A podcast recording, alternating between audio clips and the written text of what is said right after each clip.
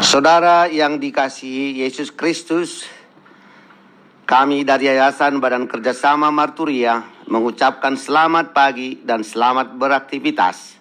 Kita akan mendengar lagu pujian dari buku Ende.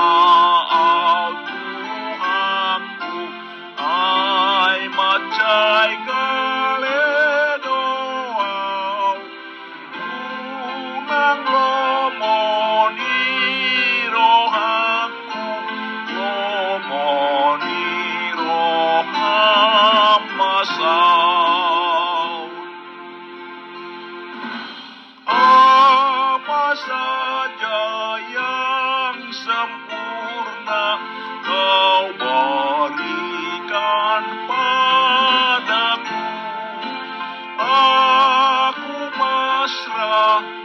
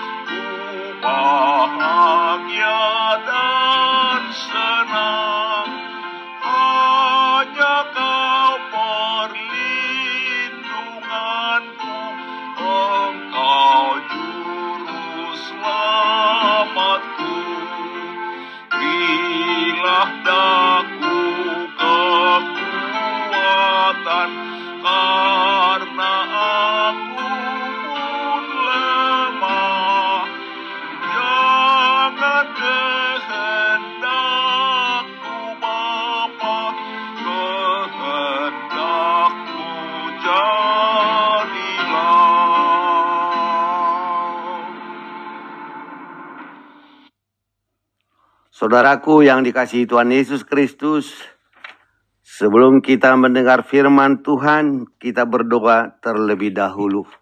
Allah Bapa di sorga yang kami kenal dalam nama Yesus Kristus Tuhan dan Juru Selamat kami. Kami bersyukur atas kasih setia, penyertaan, dan pemeliharaanmu Tuhan.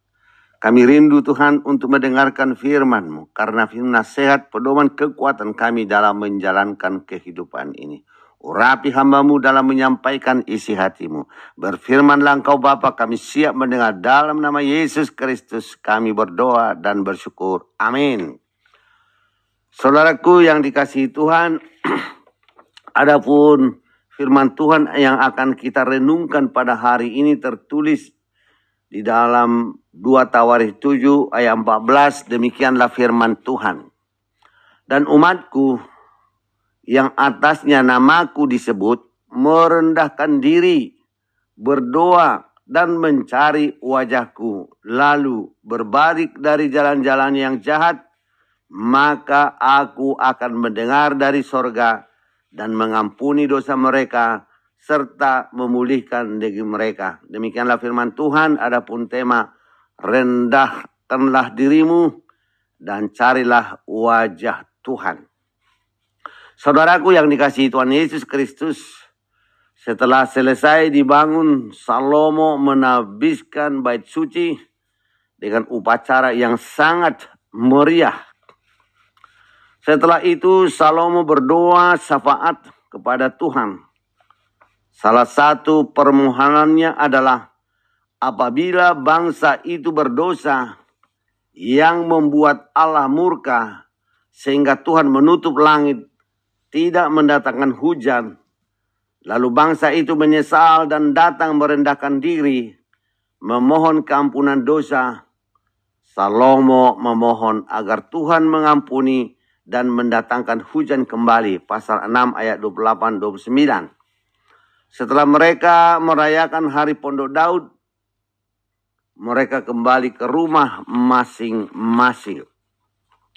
Saudaraku, dan beberapa hari kemudian, di malam hari Tuhan menampakkan diri kepada Salomo untuk kedua kalinya. Dan Tuhan berfirman bahwa Tuhan telah mendengar doa-doa Salomo dan Tuhan berjanji bahwa bila Israel merendahkan diri, berdoa dan mencari wajah Tuhan, lalu berbalik dari jalan-jalan yang jahat, maka Tuhan akan mendengar dari sorga dan mengampuni dosa mereka serta memulihkan negeri mereka. Saudaraku, Tuhan sering menggunakan bencana untuk mengingatkan kita umatnya bila kita sudah menyimpang dari jalan Tuhan. Ketika bencana menimpa, di situlah dibutuhkan kepekaan rohani kita untuk mengintrospeksi diri secara pribadi atau sebagai umat. Apakah kita telah mendatangkan murka Tuhan dengan menyimpang dari jalannya? Saudaraku, melalui ayat harian ini kita diyakinkan bahwa Tuhan kita sungguh penuh anugerah karena Allah kita sangat mengasihi jemaatnya. Yeremia 31 ayat 3b, Aku mengasihi engkau dengan kasih yang kekal. Bukan kasih yang sementara, bukan kasih yang musiman, tetapi kasih Allah adalah kekal. Bila kita umatnya merendahkan diri, berdoa, mau kembali ke jalan Tuhan dan hanya mengandalkan kuasanya, pasti murka Tuhan akan reda. Kita akan dipulihkan dan berkatnya akan semakin melimpah atas kita. Tetapi tidak cukup hanya berdoa, harus ada pertobatan, ada komitmen untuk terus berjalan di jalan Tuhan. Amin. Mari kita berdoa. Terima kasih Tuhan untuk kasih-Mu yang kekal. Ajari kami Tuhan untuk mau merendahkan diri dan berjalan di jalan kebenaran. Sehingga Tuhan akan terus memulihkan kami. Amin.